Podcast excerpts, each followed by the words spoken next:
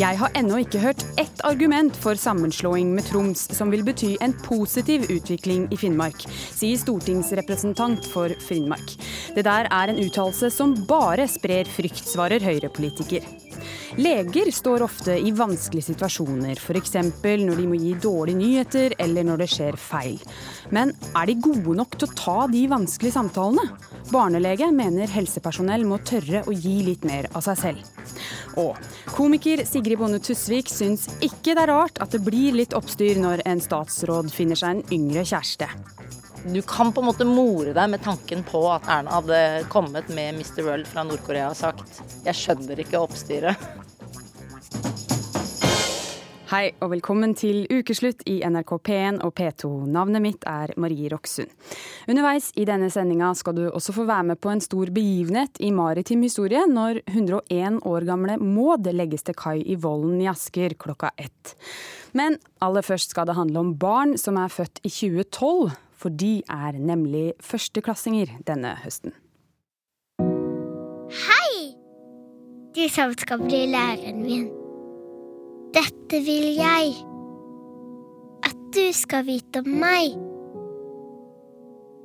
Jeg har bursdag om høsten. Da skal jeg ha muffins.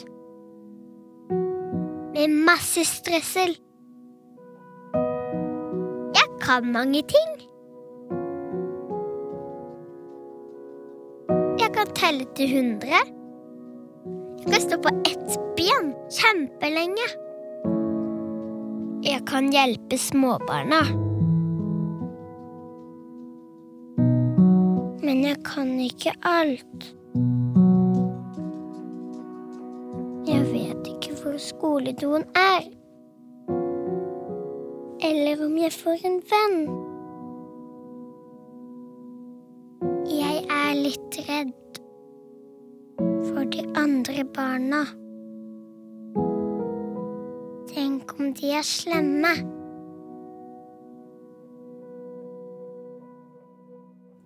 Og lyden du hørte er henta fra serien Skolestarterne, der NRK Super følger barn som skal begynne på skolen.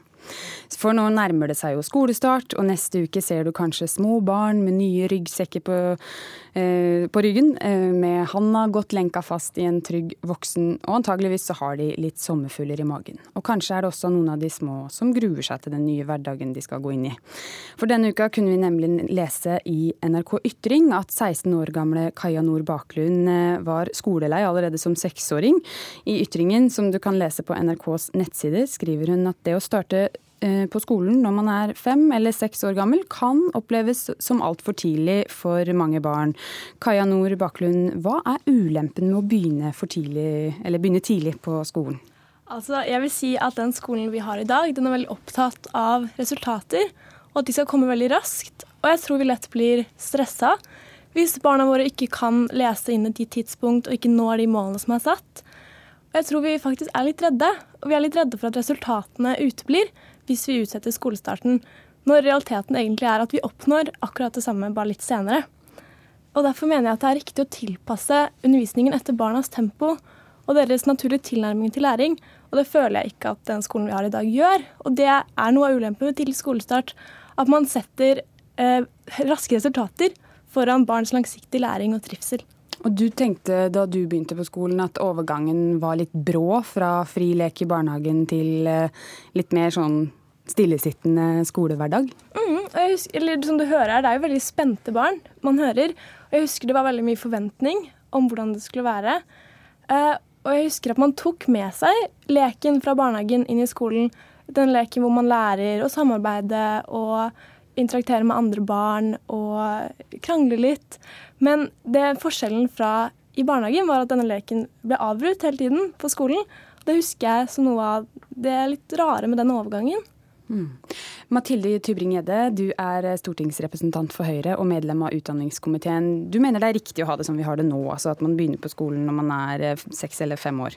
Mm. Det, det syns jeg, men det er også viktig å understreke at skolen er jo ikke én ting. Undervisningen skal ikke være helt lik for alle barna som begynner. Nettopp fordi barna er forskjellige. Og noen gleder seg til å starte på skolen, de gleder seg til å få lekser. Og det trenger ikke være noen kompliserte lekser, men det er litt stas å ha læring og begynne å lære å lese og knekke lesekoden. Det er en veldig stor opplevelse for mange barn.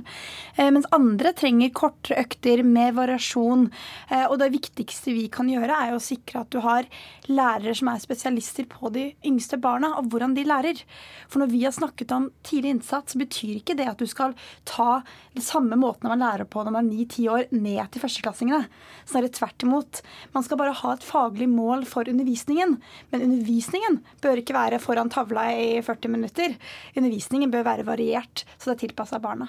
Men etter 97-reformen og Kunnskapsløftet så har det jo blitt mer Eh, stillesittende skole for de små, har det ikke det? Jeg tror det er eh, store forskjeller. Vi skal nå sette i gang og få mer informasjon om hvordan det er. For jeg opplever jo at veldig mange lærere varierer undervisningen og har mulighet til det. Den store forskjellen fra Reform 97 var jo nettopp at vi ikke lenger detaljstyrer hvilke metoder lærerne bruker. Det vi derimot sier, er at i løpet av de to-tre første årene så skal man jobbe med lesing og regning som grunnleggende ferdigheter. Men hvordan man gjør det, det er opp til lærerne. Og dyktige lærere og dyktige skoler de vet at barn de lærer ikke dersom de ikke trives, dersom det ikke er et godt læringsmiljø. Mm. Så de stedene som lykkes, klarer jo nettopp det. Mm. Vi har også med oss eh, Freddy André Østegård her. Eh, du sitter også på Stortinget, medlem av SV og familie- og kulturkomiteen.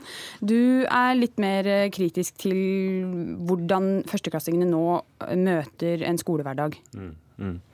Fordi Reformen i 97 hadde jo en veldig tydelig intensjon om at det første skoleåret det skulle være et uh, tilpasningsår. Da skulle det være rom for barnehagepedagogikk. Det skulle være rom for mer lek, og ikke minst et litt mer rolig tempo da, for de minste elevene, sånn at de skal ha en rolig overgang til skolen.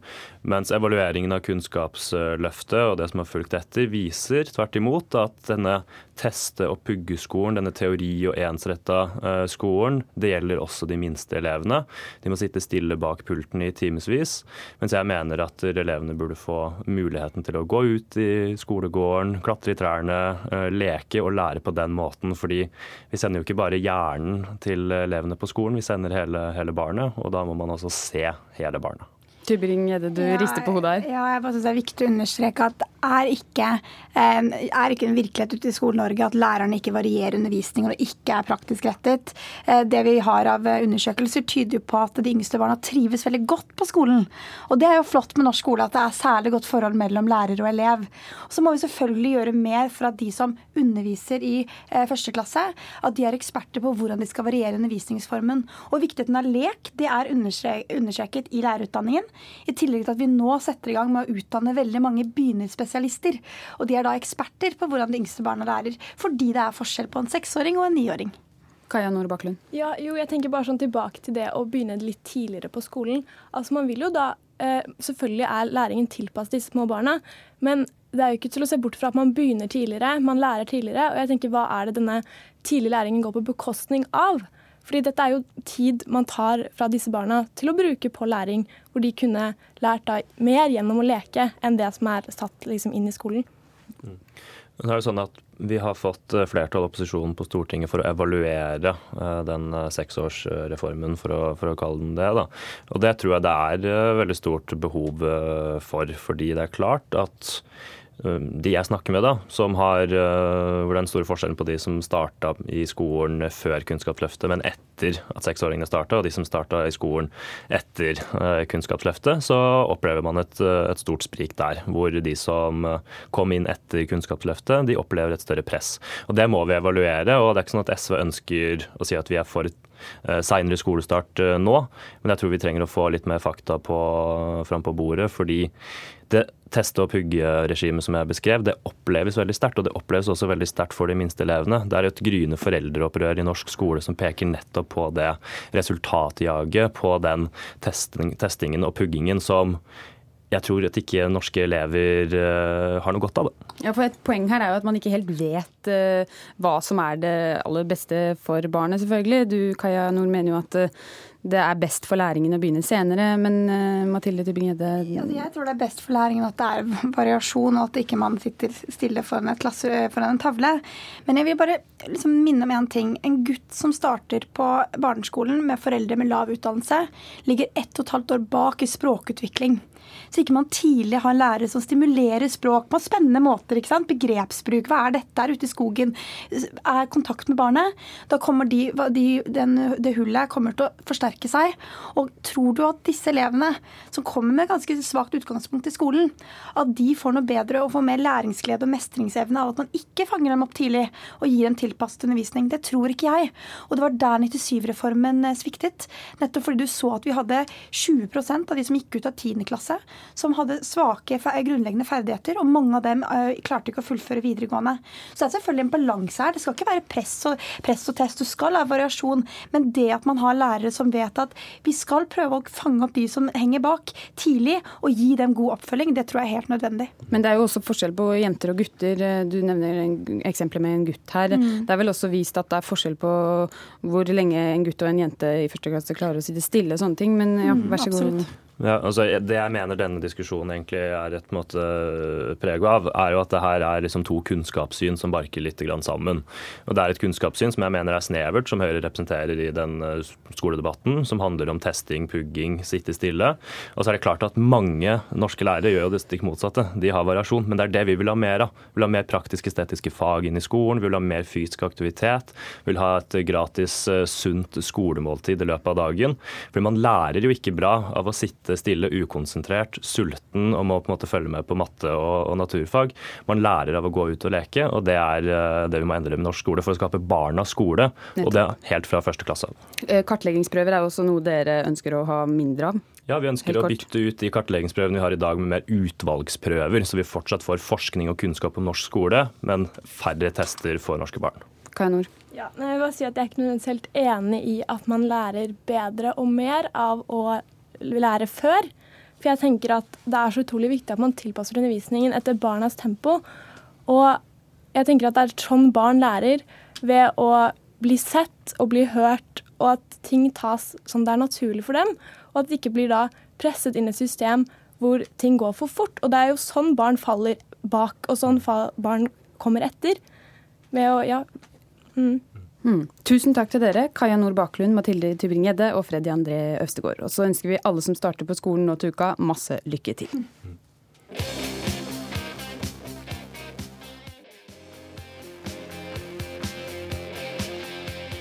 CC Topp med Sharp Dressed Man. Er du opptatt av skuter eller Roald Amundsen, eller kanskje du bare lurer på hvordan det står til med ei polarskute som har ligget 85 år under vann, så bør du i hvert fall spisse ørene nå. For eh, i Eh, for 101 år siden, eh, etter at Roald Amundsens eh, polarskute Maud forlot volden i Asker, er det altså i dag folkefest når skuta blir lagt til kai på samme sted. Planen er at båten skal legge til kai nå klokka 13. Reporter Martin Fjørtoft, du er i Vollen. Nå er klokka 12.47,23. Ser du Maud? Ja, vi har sett Maud eh, en god stund allerede. Det er et uh, imponerende skue, fordi Maud er omkranset av en armada av uh, fritidsbåter som har fulgt dette slepet. som Maud altså da vender hjem i dag. Og det er snakk om kort tid til Maud klapper til kai. 101 år siden hun da ble bygd og sjøsatt her i Vollen i Asker. Så her har folk møtt opp i hundretall. Masse folk, masse unger. Det er jazzband, og det er en velkomstkomité, og det er et stort program. Det er klart dette er en stor begivenhet for innbyggerne i Asker. Men det er også en del av polarhistorien til eh, Norge som kommer hjem om få strakser. Ja, og det er jo litt av en historisk begivenhet. Eh, fortell om eh, polarskuta Mauds historie. Kortversjonen er at Amundsen han ville drive over polpunktet, Nordpolpunktet, med drivisen. Frosset fast eh, i denne skuta. Han eh, betalte byggingen selv. Og 1917 så ble den sjøsatt, og han dro ut på ekspedisjon. Og som vi vet så nådde han jo ikke polpunktet med ekspedisjonen sin, men eh, en del forskning av Harald Sverdrup ble veldig viktig for havforskere etterpå. Men umiddelbart så var ikke dette en suksessekspedisjon for Roald Amundsen. Og han knakk jo da ryggen økonomisk på denne ekspedisjonen, og han gikk jo da konkurs i 1925. Da ble kreditorene solgte da denne skuta, Maud, til Hudson Bay Company i Canada. Og den ble forsøkt brukt til lasteskip. Det funka den ganske dårlig som, for den var så brei. Og radiostasjon har det vært på den. Og så sank den da eh, for eh, over 80 år siden. Og så har den blitt liggende på havbunnen lenge, inntil da dette teamet som eh, har heva han begynte å se på muligheten for å få det hjem. Og det er et prosjekt som har tatt sju år, og i dag så har de da altså klart eh, det mange her i hvert fall mener er en historisk bragd. Maud vender hjem. Dermed er alle de tre polarskutene på norsk jord igjen. Fram og Gjøa kjenner vi jo til, ligger eh, på Bygdøy. Og her i Vollen så kommer det da til å, hvis de får det som de vil, et museum rundt Maud. Hva står eh, på programmet videre i dag, helt til slutt? Nei, altså, Velkomstkomiteen er jo på plass. Nå strømmer folk bort til brygga der Maud skal legge til. Det skal bli taler, og de skal eh, få kake. Det blir eh, jazzmusikk. Men når arrangementet her er ferdig, så skal da Maud videre i morgen og skal ligge utafor hjemmet til Roald Amundsen ved Svartskog i Bunnefjorden, innerst i Oslofjorden, og ligge der en dag. Og så skal da Maud konserveres. Og det skal da gjøres etter alle kunstens regler. Og planen er da som sagt at det skal på sikt bli et museum rundt Maud her i Vollen i Asker. Ja, og dere kan følge dette utover dagen på nrk.no og NRK2. Tusen takk til deg, reporter Martin Fjørtoft. Og fra Vollen skal vi nå til ei som er fra et sted litt lenger ut i samme fjorden, nemlig Sandefjord. Og jeg snakker altså om Ina Wroldsen. Her får du låta 'Strongest'.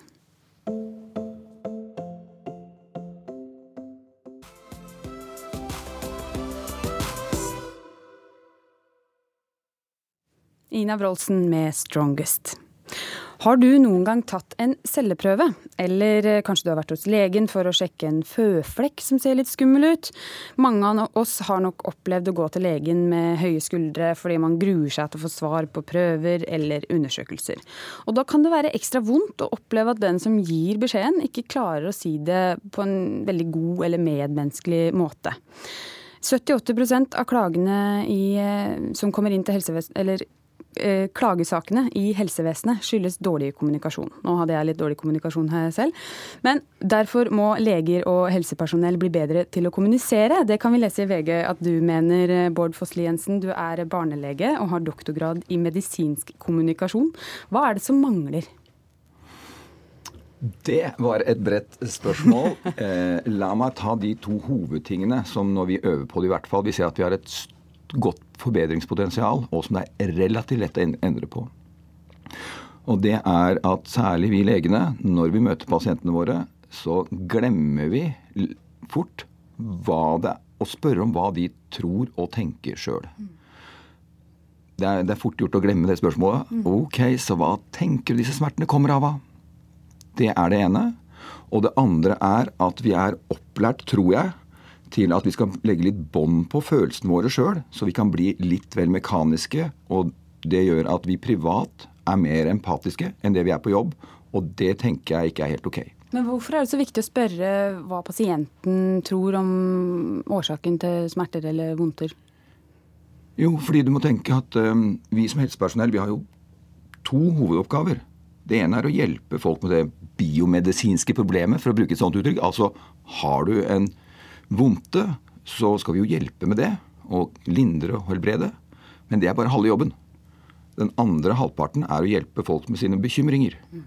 Fordi jo mer du bekymrer deg, jo verre har du det. Og jo verre du har det, jo lengre tid tar det å bli bra. Og vi klarer ikke å hjelpe med bekymringene hvis ikke vi vet det. Og det går bare så uendelig mye raskere å spørre enn å gjette. Men de to tinga du nevner her, eh, tror du ikke kanskje det er litt sånn tidsmangel for eh, leger og andre helsepersonell som gjør at de hopper over det og bare holder seg til latinske ord og det viktigste? Jo, og det er et veldig vanlig argument på en måte. Både hvis du spør pasientene og legene. Og allikevel, når vi ser på hva som faktisk foregår i konsultasjonene, så skjer det noe litt annet. For vi bruker ganske mye tid hvor vi ikke får så mye ut av det. F.eks. så har jeg tatt meg sjøl i mange ganger og fortelle veldig inngående om et eller annet som pasienten egentlig ikke lurte på, og kanskje ikke skjønner heller. Og så merker jeg at oi, nå jeg litt, får jeg litt dårlig tid, og det, så prøver jeg å holde meg, men pasienten merker det jo. Og så merker de at jeg blir litt stressa. Og så når vi er ferdig, så har det ikke blitt så bra som det kunne ha vært. Men hvis du da spør oss, så sier jeg ah, dette her, jeg hadde så mye mer. Hadde jeg bare hatt bedre tid, så hadde det blitt bra, vet du. Og hvis du spør pasienten, så vil pasienten også ha merket min stressethet. Så pasienten vil føle med meg og si ja, ja, han var jo flink, han, men han får for dårlig tid. Og vips, så er, ligger det utenfor meg og ikke hos meg. Vi har også med oss Cecilie Løvaas her. Du er tobarnsmor. Du blogger, og i 2014 så fikk du beskjeden ingen ønsker å få. Du eh, fikk konstatert eggstokkreft med spredning. Ja, det stemmer. Eh, fortell om det møtet du hadde med legen som fortalte at du hadde fått kreft. Jo, altså det, det var jo som et, først som et sjokk, da. Hvor eh, eh, da jeg fikk på det ene sykehuset fikk beskjed om at her er det noe mer. Hvor da jeg havnet på kreftsykehuset på Radiumhospitalet. Og um, hvor um, jeg kommer inn, og jeg er relativt stressa. For jeg vet jo egentlig ikke hva det er som holder på å skje. Og du er redd, og du, du vet rett og slett ingenting. Og jeg kommer inn, og legen sitter, ser ikke på meg. Ser inn i datamaskinen sin. Um, sier hei mens hun ser på datamaskinen sin, og så sier hun hva er fødselsnummeret ditt? Det betyr at da har hun ikke engang sett på min sak før jeg kommer inn i rommet. Og da må hun ta begynne helt og titte. Og så titter hun, hun har ikke sett på meg enda. Ikke presentert seg. Så leser hun ned og så sier å ja, ja, ja, ja, du har kreft, du. Og hvor, jeg da, altså Det var jo det vi trodde, men det er det å få det konstatert som er altså det som er altså det verste som kan skje. Hvor da hun sier dette her er alvorlig, hele livet ditt må settes på vent. Uh, men vi skal, vi skal, kunne operere det, og, uh, men vi vet jo ingenting. Og så så hun på klokken, så på meg, så sier han 'nå må jeg gå', sier hun. Da sitter da en sykepleier ved siden av meg, og hun skal da skrape opp de restene av meg. Og prøve å trøste og gjøre alt dette. Mens legen da ikke er tilgjengelig til å svare på et spørsmål. Ingenting. Hun har bare gått.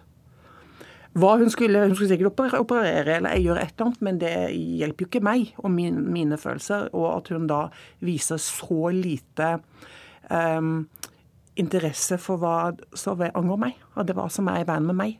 Mm. Og Du har også en blogg og en Facebook-gruppe for mm. Eh, kvinner med eggstokkreft. Og Der er det mange som kommer til deg med sine historier. Hva er det folk forteller om eh, kommunikasjonen med helsepersonell? Eh, mangel på um, omsorg mangel på eh, å få informasjon. Eh, språkbruk som tilnærmer seg altså at du må kunne latin for at du skal forstå noen ting, og du må ha lest anatomiboka. Eh, det, det og eh, en del ganske stygge kommentarer fra legen når de faktisk krever å få sin tid. Eh, hvor da det kan oppstå ganske ubehagelige situasjoner. Spesielt for pasientene. Og legen bare går. Men, men, eh, vi må jo høre med Fossli Jensen her, du som er lege selv. Eh, er ikke noe av poenget med å gå til legen at vi skal få den solide faglige ekspertisen, og at vi på en måte Kan vi ikke heller få kosepraten og trøsten fra de hjemme? Eh, jo, og det får man uansett, tenker jeg.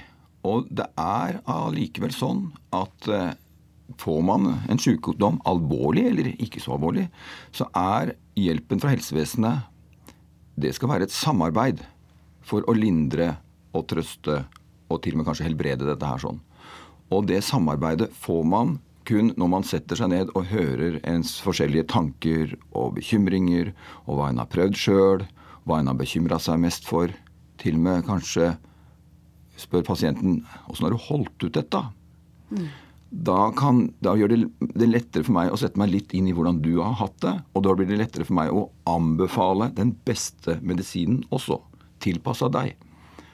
Og det er slags, eh, en slags innstilling jeg må ha som helsepersonell. da. Og du har eh, filma nesten 500 møter mellom uh, leger og pasienter. Tror du mange leger er redde for å tråkke feil? Vi er livredde for å tråkke feil. hele tida. Eh, og det er eh, jeg kan si Det er jo hjerteskjærende å høre den historien du forteller. Eh, og samtidig så er det en sånn klassisk sted der vi er livredde for å trå feil.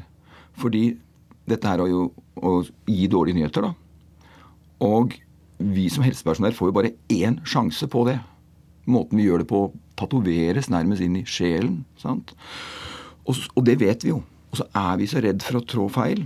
Og det gjør at vi reserverer oss og blir eh, stive, eh, distanserte. Og med det kommer også et distansert språkbruk. Og så er vi på feil vei. Og det ekstra tragiske med det er at når vi skal gi en dårlig nyhet, så er det jo per definisjon noen vi skal ha med å gjøre lenge, da. Du og jeg skal jo da stå i dette her sammen.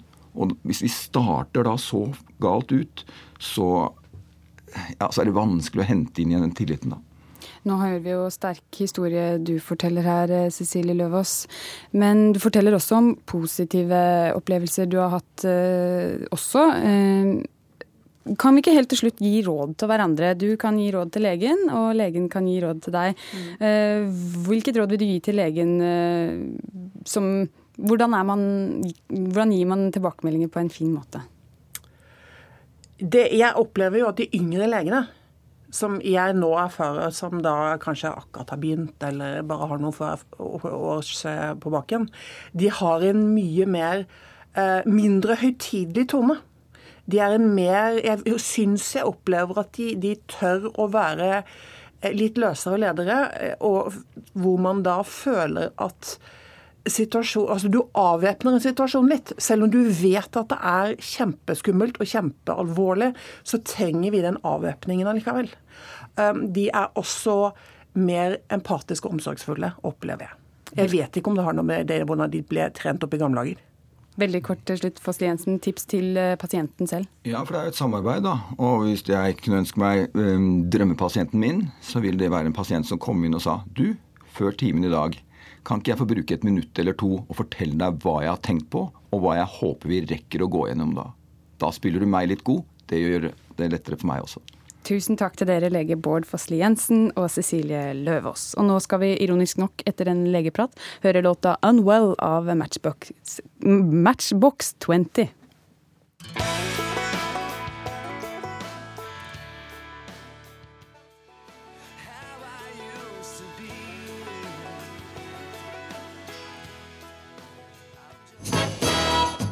Per Sandberg fortjener honnør fordi han velger kjærligheten, sier tidligere stortingsrepresentant Jan Arild Ellingsen fra Fremskrittspartiet.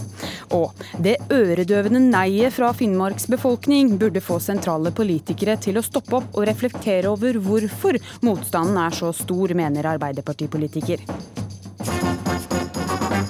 Dette får du høre mer om i den neste halvtimen her i Ukeslutt. Og vi begynner med en sak som nok en uke har satt dagsorden her i Norge, nemlig Per Sandberg og Bahare Letnes sin tur til Iran. Dagen etter at Sandberg gikk av som fiskeriminister, arrangerte han og kjæresten en egen pressekonferanse. Komiker Sigrid Bonde Tusvik og partikollega Jan Arild Ellingsen er enige om én ting paret er forelska. Eh, men spørsmålet er hvorvidt at jeg angrer på at jeg reiste til Iran på en ukes ferie. Så er svaret nei. Men jeg beklager at eh, min vurdering var fullstendig feil i forhold til sikkerhet. Det er mandag, og en svært ydmyk Per Sandberg trekker seg som fiskeriminister. Et døgn seinere har Sandberg innkalt til ny pressekonferanse i Arendal, og nå er han rasende. Norsk media og norsk presse dere har nærmest henretta denne kvinnen. Ved siden av Sandberg sitter kjæresten, 28 år gamle Bare Letnes. Det har storma rundt paret etter at det ble kjent at de dro på ferie til Iran. Per Sandberg, som da var fiskeriminister, lot være å varsle statsministerens kontor og tok med seg jobbmobilen. Eh, jeg er ekte, Per er ekte, og kjærligheten er ekte. Og. og sånn som det ser ut for meg, så er det her to mennesker som åpenbart er veldig glad i hverandre. Til glede for de to, irritasjon for mange andre. Fordi vi problematiserer det må være noe annet. Hvorfor det? Hvorfor skal vi mistenkeliggjøre folk som åpenbart er glad i hverandre? Jan Arild Ellingsen har kjent partikollega Per Sandberg i mange år. Han synes Sandberg fortjener honnør for at han valgte kjærligheten. For meg så handler det om å være ærlig med seg sjøl. Hvis man går rundt og ikke er ærlig overfor seg sjøl, hvordan skal man da kunne representere andre?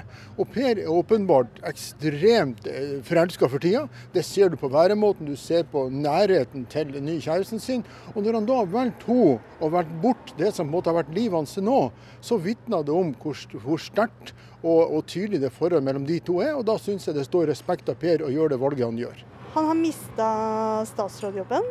Han har mista vervet som nestleder i Frp. Er det ikke en litt høy pris å betale?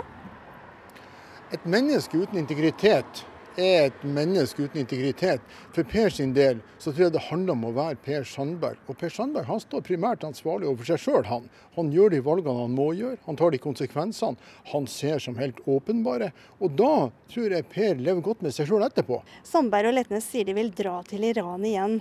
Kunne du tenke deg å dra til Iran på ferie? Jeg kan tenke meg å reise hvor som helst, egentlig. fordi at til syvende og sist, det er folk som utgjør forskjellen på om ting er bra eller mindre bra. Og det, det er folk du må snakke med skal du ha endring. Eh, igjen, så jeg har ikke tenkt å reise til Iran, men jeg skulle gjerne gjort det. Også det at eh, jeg har vært spion for Norge eller noe sånt, eh, og nå Per er arbeidsledig. Og hva skal jeg med Per da, hvis jeg er spion? Bahareh Letnes fleiper selvsikkert med pressekorpset i Arendal. Per Sandberg ler hjertelig. Og han skal jobbe i selskapet mitt, så jeg skal gi han jobb. Det som er søtt der, er f.eks. når Bahare retter på mikrofonen hans så han ikke blir irritert. Det er et klassisk tegn på at du er forelska. Komiker Sigrid Bonde Tusvik fulgte også med på pressekonferansen til Sandberg og Letnes. Fordi om noen år så vil han eh, bli irritert på det. Om at hun retter på ting og blander seg litt oppi. Og han også lar henne snakke, og hun lar han snakke. Det er en veldig sånn ren kjærlighet der, eh, som jo uh, han burde sette meget pris på. Bahare, som er Miss Iran, eh, altså da, han er en heldig gris, sånn sett. Det er jo, jeg bare setter spørsmålstegn ved at ingen eh, har tenkt på at hvis Erna Solberg hadde blitt sammen med, altså skilt seg fra Sindre, blitt sammen med Mr. World fra Nord-Korea Det er liksom på 28 år. Altså det, er, det hadde vært veldig rart. Og folk hadde reagert mer. Du kan på en måte more deg med tanken på at Erna hadde kommet med Mr. World fra Nord-Korea og sagt jeg skjønner ikke oppstyret. Sandberg oppfordra alle til å dra til Iran. Er du frista? Jeg er ikke frista, spesielt ikke etter denne saken. Jeg har ikke de, særlig siden han er så opptatt Både Batare og Per er veldig opptatt av at eh, man skal være nysgjerrig på nye kulturer, og at de, de sier at Iran er et fantastisk land. Da syns jeg akkurat der har de gjort en veldig dårlig jobb. Jeg føler ikke at noen i Norge har lyst til å dra til Iran akkurat nå. Så det håper jeg regimet er litt misfornøyd med. Fikk du svar på det du lurte på? Jeg fikk ikke svar på så veldig mye annet enn at eh, at de eh, liker oppmerksomhet. Da. De, de setter pris på at det koker rundt dem. Og jeg føler med dem nå når på en måte ingen skal bry seg om dem lenger, på en stund, så tenker jeg at det må være den vanskelige Det er blåmandag når eh, ikke pressen lenger egentlig er så interessert i forholdet, og de nå bare må få dette enkeltmannsforetaket med fisk opp på fote, alene uten hjelp. Og reporter var Kari Li.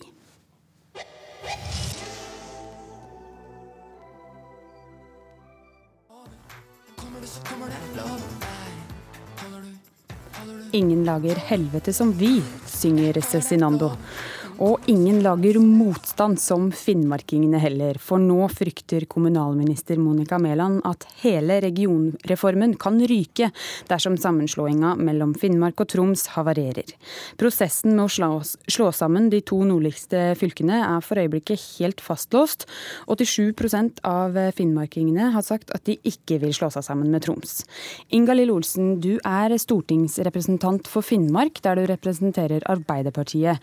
Og i Dagbladet Dagbladet skrev du en følelsesladd kronikk der du forklarer hvorfor så mange finnmarkinger er imot dette, og du oppsummerer motstanden med ordet finnmarksidentitet. Hva mener du med det?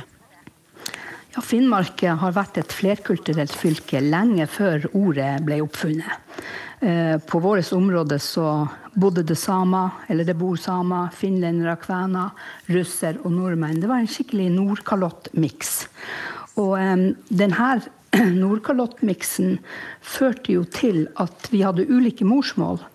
Uh, både som samisk, finsk, kvensk og norsk også. Og eh, i sum så var kanskje ikke vi finnmarkinger så gode i norsk. Og det er viktig å beherske språket, og, fordi språket makt, og språk eh, gir mulighet til å delta demokratisk. Og eh, jeg tror at det at mange ikke beherska språket så godt, ga mange en følelse av mindreverd. Så vi var norsk, men ikke norsk nok. Uh, og vi sleit med vår egen identitet, ulike etnisiteter. Men det har skjedd en prosess hvor vi på en måte har uh, hva jeg skal si, tatt et oppgjør med oss sjøl, akseptert oss sjøl, akseptert forskjelligheter. Og, og funnet en felles identitet, uansett hvilket etnisk opphav vi har. Og det er gjennom det å være finnmarking. Og det er den identiteten så den er skjør men den er viktig, og den er viktig for å forstå historien til Finnmark. For å forstå motstanden. Og jeg tror at det mange føler at den er trua, og det er det som gjør at motstand, blant annet det som gjør at motstanden er så sterk. Og I kronikken så skrev du jeg har ennå ikke hørt ett eneste argument for sammenslåing med Troms som vil bety en ny og positiv utvikling i Finnmark. Vi har med oss en som er for sammenslåing her. Jo Inge Hesjevik, Høyres gruppeleder på fylkestinget i Finnmark. Kanskje du kan gi Ingalill Olsen et par overbevisende argumenter? Ja, jeg kommer starte med å gi henne rett i at eh, Finnmark at det er mye identitet, identitet knytta til Finnmark. Eh, og, men at vi er så annerledes enn folk i Oslo, eh, det er jeg litt mindre enig i. Men når vi nå skulle slå sammen fylket, så var det jo fordi at på det fylkeskommunale nivået i Finnmark så slet vi veldig med vi slet veldig med omdømme. Vi hadde arbeidsrettssaker.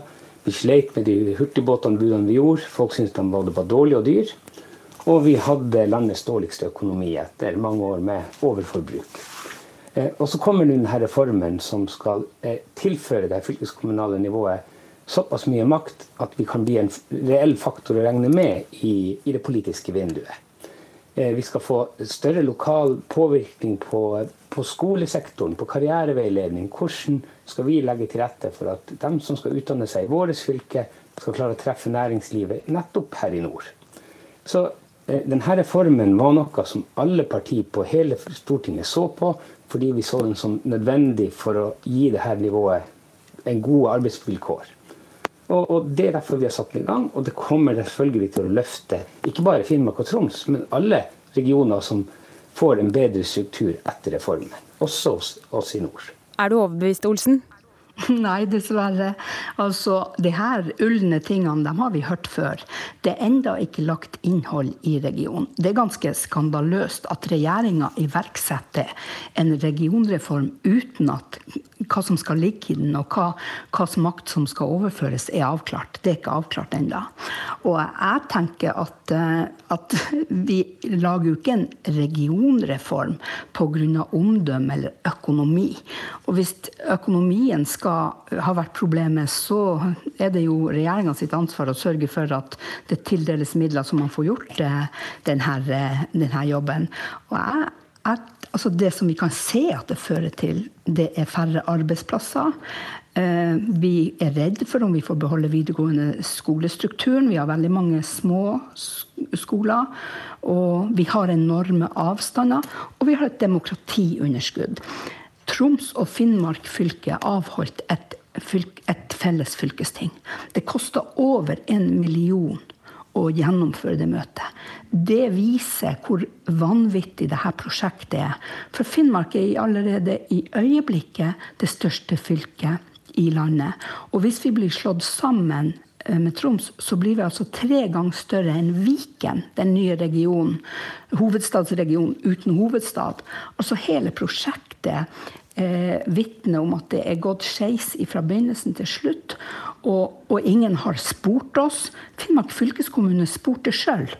Og fikk det svaret som, som var 87% nei. Sånn at det her, her fins ikke gode argument. Hesjevik. Og hvis det hadde vært gode argument, så hadde vi vært for det. Hesjevik, har det gått skeis? Nei, altså det er jo, Jeg må starte med at vi sliter selvfølgelig i Troms og Finnmark i øyeblikket. Særlig fordi at man bruker så mange negativt lada ord om den reformen som skal skje fra Arbeiderpartiet. Men alle de ordene som jeg sa i starten her, var jo de ordene som Arbeiderpartiet, Senterpartiet og SV gikk inn med når man skulle se på i 2008, når man starta denne reformen. Dette er jo de ordene som Arbeiderpartiet har brukt hele veien. Eh, sånn at eh, det å, det å skal eh, sitte og, og kritisere eh, alt og, og enhver ting med en sånn tanke om at alenegang er det som er løsninga, og status quo er løsninga, eh, jeg tror ikke noen tror på det. Og så er det sånn at, at Vi sleit jo voldsomt med skolestrukturen. Hennes Arbeiderparti satt jo et, et prosess i gang i Finnmark Nettopp fordi vi klarer ikke å opprettholde den sånn som vi har det, for vi bruker for mye penger på sentraladministrasjon. Eh, vi er nødt til å bruke pengene eh, klokere for å få flere lærere i skolen. Dette er jo et tiltak som akkurat kommer til å bidra til det. Eh, Dette, dette diskuterte vi før vi gikk i gang. Dette var Arbeiderpartiet enige om før vi gikk i gang. Og nå så gjør de det her til en kamparena, ikke i hele Norge, men akkurat lengst nord, hvor vi er aller minst. Og så er det greit å ha med seg at Innlandet fylke er større enn Finnmark, også i areal. Sånn at det her, å lage de her virkelighetsbildene for å skremme og, og, og stigmatisere, det har ikke jeg lyst til å være med på lenger. Og det syns jeg faktisk verken Jonas Gahr Støre eller Inga-Lill Olsen burde fortsette å bidra til. Vi er ikke annerledes enn Oslo. De har jo utallige kulturer og mennesker fra hele verden og samfunn i Oslo. Riktig, vi har kvener, vi har samer, vi har nordmenn. Men er det noe stor forskjell på det å måtte håndtere pakistanere og iranere som er et tema nå for tida? og, og vi må nesten avslutte der. Vi tar med helt til slutt at kommunalminister Monica Mæland i Høyre ikke kunne stille til debatt her i ukeslutt. Mandag er det et møte der Mæland har invitert til dialog med Troms og Finnmark for å citat, fortsette arbeidet med sammenslåingen. Takk til dere Ingalill Olsen fra Arbeiderpartiet og Jo Inge Hersvik fra Høyre. Nå skal du få høre Rihanna.